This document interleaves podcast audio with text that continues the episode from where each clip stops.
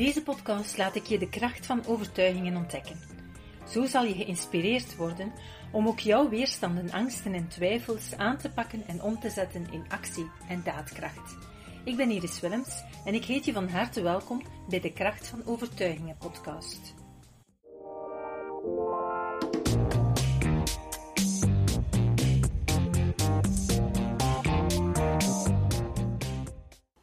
Vandaag in deze podcast wil ik je even laten stilstaan bij mogelijk angst voor succes. En die angst voor succes die kan zich op verschillende manieren gaan uiten. Um, ook bedoel dan, um, naar gelang de situatie in je leven, zou je kunnen denken van oké, dat is alleen maar van toepassing op mensen die uh, een bedrijf hebben of die carrière willen maken. En dat is inderdaad zo dat het op die mensen zeker van toepassing is en daar kom ik straks op terug. Maar Eerst en vooral wil ik even al starten bij het feit dat het ook van toepassing kan zijn op mensen die misschien op dit moment zelfs geen job hebben, of die thuis zijn omwille van ziekte of omwille van een burn-out. Want ook daar merk ik heel vaak dat er een onbewuste of zelfs een bewuste angst is ontstaan. Angst dat wanneer men opnieuw gaat werken, wanneer men opnieuw een job heeft, of een, zelfs een, zeker als het een, eh, ja, een, een verantwoordelijke job is, dat men dan het niet gaat aankunnen. Angst dat men weer geen balans meer gaat hebben tussen het werk en privé. Angst dat men um, geen tijd meer voor zichzelf gaat hebben, of geen tijd meer gaat hebben voor de kinderen of voor de partner. Dus het is toch wel van belang om daar even bij stil te staan, dat we onszelf soms onbewust in een, ja, een, een situatie houden of zouden kunnen houden, die ons dingen ontneemt, zoals een, een job kunnen uitvoeren. En rationeel denken we van, ja, maar ik wil wel gaan werken, want ik wil me nuttig voelen en ik wil uh, allerlei dingen doen en ik wil een bijdrage leveren aan de maatschappij enzovoort. Dat zijn onze rationele argumenten die we aanhalen. Maar het rationele en het onderbewuste zijn twee verschillende dingen. En bij sommige mensen is er in het onderbewustzijn iets ingeslopen, waardoor men soms wel meer voordeel haalt uit het niet kunnen gaan werken of het niet moeten gaan werken, dan men zelf beseft. Het kan soms een, uh, een reden zijn om thuis te moeten zijn, of een uh, ziekte te vallen, of een burn-out te krijgen, omdat men op dat moment een, een goede reden, een verklaring heeft om te gaan zeggen, hier, nu mag ik mijn grenzen trekken, want ik kan niet. Hè. Mijn gezondheid laat het niet toe. Ik heb geen energie meer, dus nu is het normaal dat ik nee zeg. Of nu is het normaal dat ik grenzen trek. Um, en zolang als dat je eigenlijk niet gaat werken aan die achterliggende onbewuste reden, ga je blijven altijd in die spiraal terechtkomen. Want eigenlijk um, ontstaat de ziekte, de burn-out, de energiegebrek of wat dan ook, heel vaak onbewust vanuit je, uh, vanuit je systeem, die ervoor zorgt dat je eigenlijk wel verplicht bent om grenzen te trekken, verplicht bent om thuis te blijven, verplicht bent om het rustiger aan te doen, omdat je het eigenlijk zelf anders niet durft.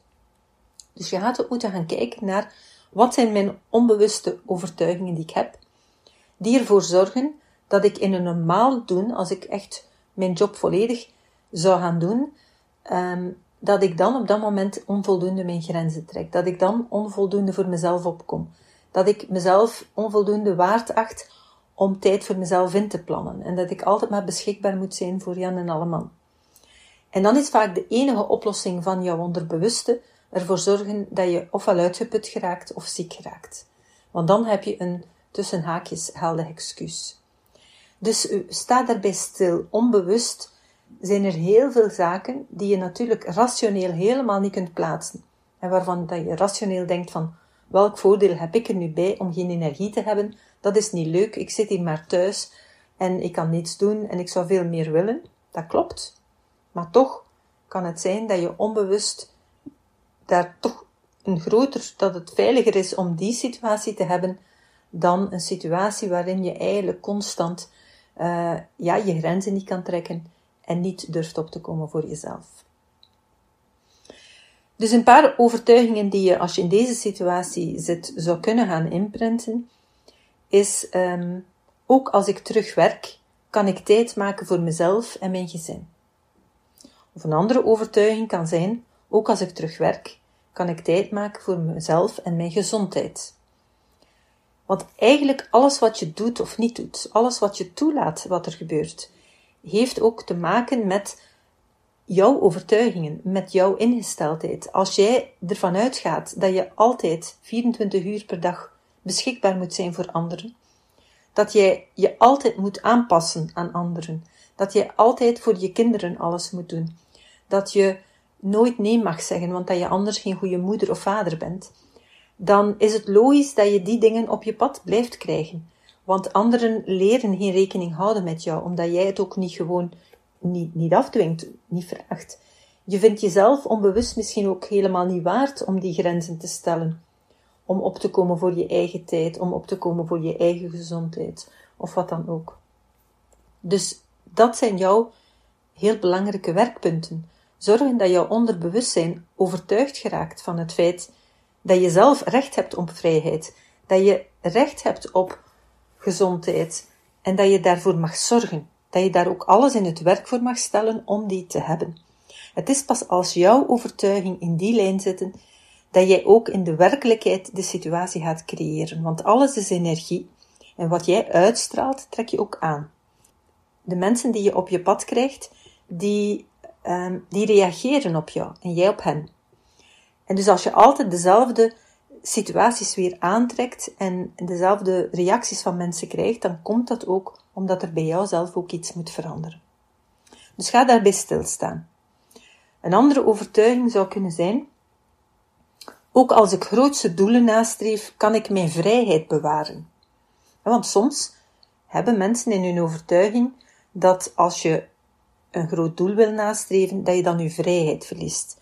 Dat je dan slaaf wordt van de situatie. Um, ook bijvoorbeeld als ik succesvol ben in mijn job, kan ik mijn work-life balans behouden. Want heel vaak associëren we succesvol zijn in een job met heel veel uren werken en nooit nee mogen zeggen en alles doen wat er gevraagd wordt. Um, maar dat ligt weer opnieuw bij jezelf. Het kan ook zijn dat dat vanuit het bedrijf in overdadige mate wordt gevraagd, maar dan zit je niet in de juiste bedrijfsomgeving. Dus het is belangrijk, het gaat hem niet over de uren dat je werkt, maar over het resultaat die je gaat neerzetten. En natuurlijk krijgen we daar ook vaak weer een vicieuze cirkel. Want als jij overstrest geraakt, dan ga je minder goed presteren. Als je minder goed presteert, ook al denk je dat je nog altijd je uiterste best doet, toch gaat je rendement naar beneden. Ga je veel trager werken, ga je veel meer fouten maken, veel meer moeten corrigeren. Doordat je eigenlijk dus minder efficiënt werkt, ga je meer tijd nodig hebben om hetzelfde gedaan te krijgen. Waardoor je het gevoel gaat hebben dat je alsmaar meer werk krijgt, terwijl dat het eigenlijk ook is dat jij het werk veel minder aan kan. Doordat je ook te weinig tijd neemt voor jezelf om te gaan herstellen en aan je eigen stressbalans te werken, wordt dat eigenlijk altijd maar erger. En hoe meer je gaat werken, hoe minder efficiënt je wordt, hoe minder efficiënt je wordt, hoe meer je weer gaat moeten werken, en dan kom je in een vicieuze cirkel. Want op de duur ben je alleen nog aan het werken en vaak ook heel nutteloze dingen te doen, of ook vaak fouten te corrigeren, of uh, dwaal je te veel af, heb je te weinig concentratie, waardoor dat alles veel langer duurt. En toch ga jij dat zien als zijnde van, ik heb een drukke job. Maar eigenlijk ben je in die job op dat moment niet meer efficiënt. In jouw onderbewustzijn associeer je dan het feit dat je druk hebt met het feit van ja, ik kan die functie niet meer aan. En je gaat dan ook heel vaak, um, ja, op dat moment moeten stoppen. En dat klopt. En op dat moment moet je zorgen dat je je balans herstelt. Maar het wil niet zeggen, als je je balans hersteld hebt, en je hebt ook gewerkt aan jouw achterliggende overtuigingen, de achterliggende overtuigingen die veroorzaakt hebben dat je minder efficiënt werd, dat je nooit geen tijd nam voor jezelf, dat je te weinig ontspanning inbouwde, dat je geen grenzen trok, als je aan die achterliggende overtuigingen hebt gewerkt, dan sta je heel anders in een nieuwe job of in het hernemen van je job. Als je dat niet hebt gedaan, dan ga je effectief, wanneer je terug herneemt, terug weer in dezelfde situatie komen. En daarom is het cruciaal om aan je achterliggende overtuigingen te gaan werken, zodanig dat je verandering kan krijgen in je realiteit. Wat ik ook al gehoord heb, is dat sommige mensen um, ja, een stukje gezondheidsproblemen krijgen, omdat het achterliggend toch een stukje hen redt van het verantwoordelijkheidsgevoel die te groot is. Dus in dat geval kan je ook je overtuiging gaan herprogrammeren en gaan inprenten. Ik kan de verantwoordelijkheid in mijn leven aan, ook als ik gezond ben. Want als jouw onbewuste systeem gekozen heeft om jou ziek te maken of uit te putten of wat dan ook, omdat je op die manier de verantwoordelijkheden niet meer moet nemen, dan is dat natuurlijk geen goede uh, drijfveer. Hè. Dan is het wel van belang dat je ook beseft van die verantwoordelijkheden, ik kan die aan, of ik ga uh, kiezen voor een andere job als die verantwoordelijkheden niet bij mij passen, maar ik ga daarom niet ziek worden. En je ziet dat je onderbewustzijn maakt je dus echt wel, of geeft je heel vaak signalen, um, veroorzaakt heel vaak wat ellende ook in je leven, omdat je op die manier kunt vluchten van iets waar je bang voor bent. Waar je onbewust of bewust denkt niet aan te kunnen. Of echt niet aan kan. Het komt er hem dus op neer dat je veel meer leert opkomen voor jezelf, dat ook veel meer leert uiten. En daarvoor heb je nieuwe overtuigingen nodig. Dus prent die overtuigingen zeker al in. Je hebt daarnaast ook nog de mensen die niet ziek zijn, maar die uh, in een bepaalde job zitten en die eigenlijk de ambitie hebben om een andere functie te gaan bekleden, maar die daar eigenlijk toch wel bang voor zijn. Of die er elke keer opnieuw voor zorgen dat ze die net niet kunnen uh, gaan hebben, dat er net iemand anders elke keer op die positie komt. Ook dat kan gedreven zijn door onbewuste uh, overtuigingen. Je kan bijvoorbeeld ook bij jezelf dan gaan inprenten, ook als ik een belangrijke functie heb, mag ik mijn grenzen trekken. Want onbewust, aan de ene kant wil je wel een andere functie, en aan de andere kant kan je onbewust met de angst zitten van, ja, maar ga ik dat wel kunnen? Want als ik die functie heb, dan moet ik over mijn grenzen gaan. Dan moet ik veel meer uren werken. Dan mag ik geen limieten meer kennen. Dan moet ik voor iedereen altijd beschikbaar zijn. Heel vaak zijn dat ook overtuigingen die we hebben als we denken aan bepaalde leidinggevende functies, en zeker hogere functies, dan, dan associëren we dat met elkaar. Terwijl dat dan niet altijd zo is, um, en eigenlijk niet zo zou mogen zijn. Het is niet omdat je meer verantwoordelijkheden hebt en een hogere functie hebt, dat je daarom 24 uur op 24 beschikbaar moet zijn. Of dat je daarom 24 uur op 24 bezig moet zijn met dat werk. Um, een goede manager, een goede leidinggevende, een goede uh, directie, wat dan ook, die weet zijn eigen tijd af te bakenen. Die blijft efficiënt werken op de momenten dat hij werkt, maar zorgt voor voldoende balans tussen zijn gezondheid, zijn vrije tijd, zijn werk en zijn relaties. Um, en als dat uit balans geraakt, dan ga je sowieso onder gaan presteren. Dus opnieuw, het heeft ook hier weer te maken met wat denk je zelf te moeten doen. En wat denk je zelf als grenzen wel of niet te mogen trekken? Want als jij vindt dat je 24 uur op 24 moet beschikbaar zijn in die functie, dan ga je dat ook waarmaken. Want je trekt alles aan wat je zelf gelooft. Dus als jij gelooft dat je die functie wel kan bekleden en tegelijkertijd ook jouw gezin en jouw eigen privé-tijd kan bewaken, dan gaat dat ook lukken. Want dan ga je je daarnaar organiseren, ga je ook daarin je laten ondersteunen, je grenzen afbakenen, communiceren met je omgeving, waardoor dat zij terug weer gaan daarop reageren. En dan kan je zelf die realiteit gaan creëren, dat je en een verantwoordelijke job kunt hebben, en toch je leven in eigen handen kan hebben, toch een eigen vrijheid kunt hebben in je eigen uh, privé-tijd. Dus een andere overtuiging die je dan uh, in functie daarvan kan gaan, uh, gaan inprenten. Um, ook als ik veel verantwoordelijkheden heb, kan ik vrijheid hebben. En als ik mezelf goed organiseer, kan ik veel vrijheid hebben, ondanks dat ik een belangrijke functie heb. En nog een andere die daarbij past, is grote verantwoordelijkheden dragen staat los van het aantal uren werk. Zo hebben we er natuurlijk nog wel verschillende andere uh, die daarbij aansluiten, maar deze wil ik alvast al even meegeven. Voor mensen die um, een eigen bedrijf hebben, kan dat ook spelen. Je kan bijvoorbeeld, kan het zijn dat je niet groeit met je bedrijf, dat je een eenmanszaak bent, dat je wel de ambitie hebt om een groter bedrijf te gaan uh, maken, maar dat er toch onbewuste angsten zitten. Angsten dat het te groot gaat worden. Of het kan ook zijn dat je angst hebt om, um, om te groeien, omdat je dan denkt, dan moet ik medewerkers aantrekken en ik wil dat gedoe niet. Um, het kan zijn dat je denkt van, ja, als ik met mensen ga werken en medewerkers ga aanwerven, dan wordt het allemaal heel serieus en dan, uh, ja, dan heb ik geen plezier meer in de dingen die ik doe. Of het kan zijn dat je um, ook denkt van, ja, als het hier uh, succesvol wordt, dan ga ik het allemaal niet meer aankunnen. Dan ga ik misschien uh, onderuit gaan, ga ik mijn energie verliezen, ga ik misschien in een burn-out komen of wat dan ook. Dus ook dat zijn eigenlijk allemaal onbewuste angsten, waardoor je vaak de realiteit gaat aantrekken dat het zich gaat realiseren. In dit geval kan je best een aantal overtuigingen gaan inprenten, zoals bijvoorbeeld um, ik ben het waard om een serieus bedrijf te hebben. Hè? Want soms kan dat ook zijn dat je denkt van oké ja, uh, als ik hier ga groeien, maar eigenlijk ja, ik ben toch maar uh, een kleine zelfstandige en ik ben daarmee begonnen met, uh, met een goed idee, maar, maar ja, wie ben ik om een bedrijf te gaan leiden? Dus dan, als dat een achterliggende twijfel is, dan kan je best ook de overtuiging inprenten, ik ben het waard om een serieus bedrijf te hebben. Maar aansluitend kan het ook nuttig zijn om te gaan zeggen van, um, als ik een serieus bedrijf heb, dan heb ik ook nog altijd het recht op plezier en om, om fun, op, op vrijheid.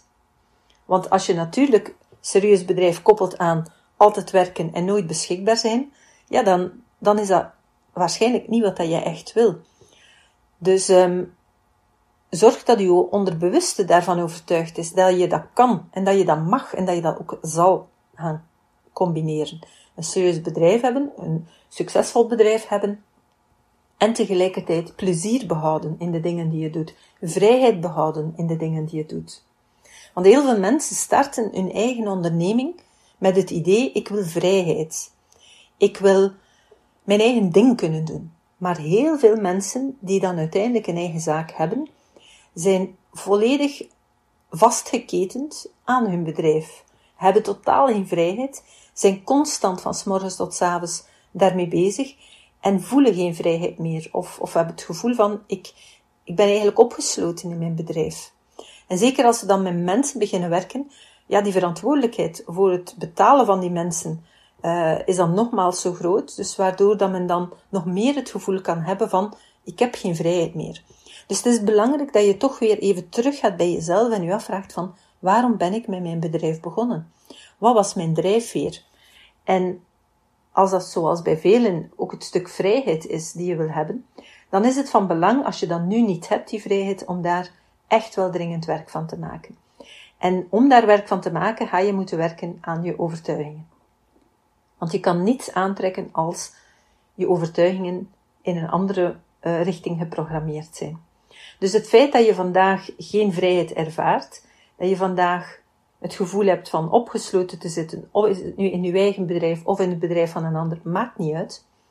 Maar het feit dat je dat gevoel hebt, betekent dat je niet de juiste overtuiging hebt. Want je creëert de werkelijkheid die je zelf denkt te kunnen, aan te kunnen en, en waard te zijn. Dus ga die inprenten. Ik ben het waard om een serieus bedrijf te hebben, heb ik al verteld. En ook als ik een serieus bedrijf heb, heb ik recht op plezier, fun en vrijheid.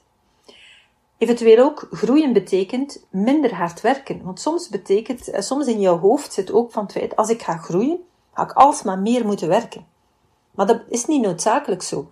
Dat heeft te maken met organisatie.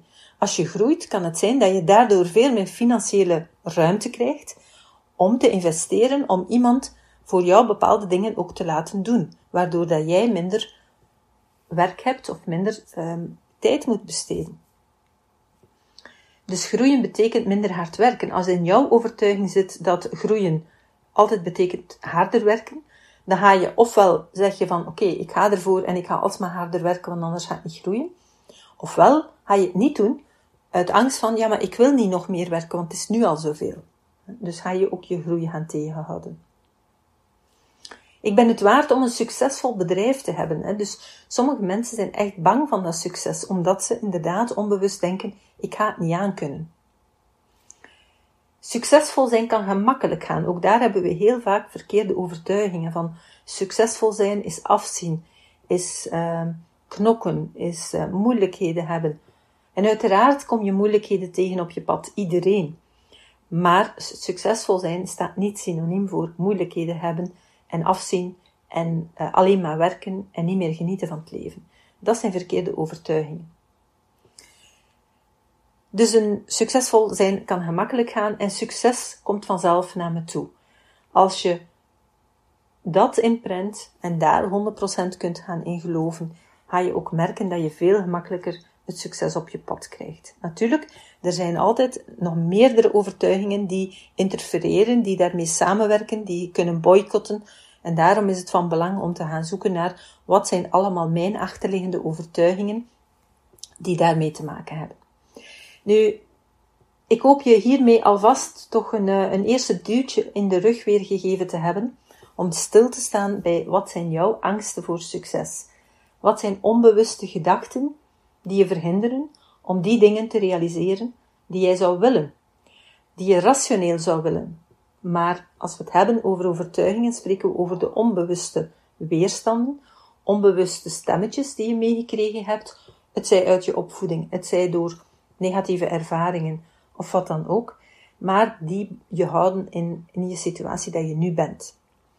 Dus ga stilstaan bij die onbewuste stemmetjes die de angst voor succes, in welke situatie ook zit. Ben je misschien thuis in ziekenverlof en wil je terug gaan werken? Of ben je aan het werk en wil je een andere functie, een hogere functie, of wat dan ook? Of heb je een bedrijf en wil je groeien met je bedrijf, maar voel je dat dat moeilijk lukt? In al die situaties zit mogelijk een angst voor succes uh, erachter, die je gaat saboteren. Dus ga daarbij stilstaan. Wil je nog wat meer overtuigingen um, rond die angst voor succes, weerstand tegen succes, zaken die je uh, daarin verhinderen om uh, je doelen te gaan realiseren? Ga dan even naar prana.be schuine streep angst. En daar ga je een uh, download kunnen doen van een lijst met nog een aantal overtuigingen zijn er meer dan twintig overtuigingen die je kan gaan gebruiken om je anders in te stellen, om te werken aan jezelf en aan je weerstand en je angsten. En zo kan je verder aan de slag. Dus prana.be schuine streep angst en daar kan je een bijkomende lijst met een aantal overtuigingen gaan downloaden, volledig gratis. Ik hoop je met deze podcast terug weer een duwtje in de rug te hebben gegeven, even te laten stilstaan bij jouw uitdagingen en de onbewuste kronkels die je moet gaan aanpakken. En dan uh, hoop ik je terug weer te mogen uh, verblijden in een volgende podcast. Dag. Super tof dat je hebt geluisterd naar de Prana Mental Excellence podcast. Ik hoop dat je het waardevol vond en dat je er inzichten uit hebt kunnen halen voor jezelf en voor je eigen business. Vond je het een waardevolle podcast, dan zouden we het heel erg waarderen als je dit zou willen delen.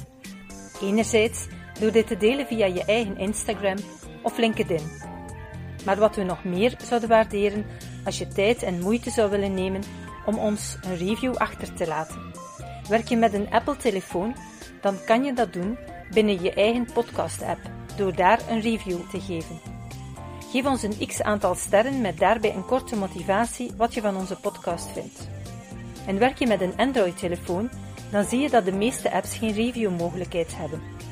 Wat we dan heel erg zouden waarderen, is als je op Google Prana Mental Excellence zou willen intypen en vervolgens via de Google Review-sectie iets zou willen vertellen over Prana, wat je van ons vindt en wat je aan onze podcast hebt gehad. Alvast heel erg bedankt.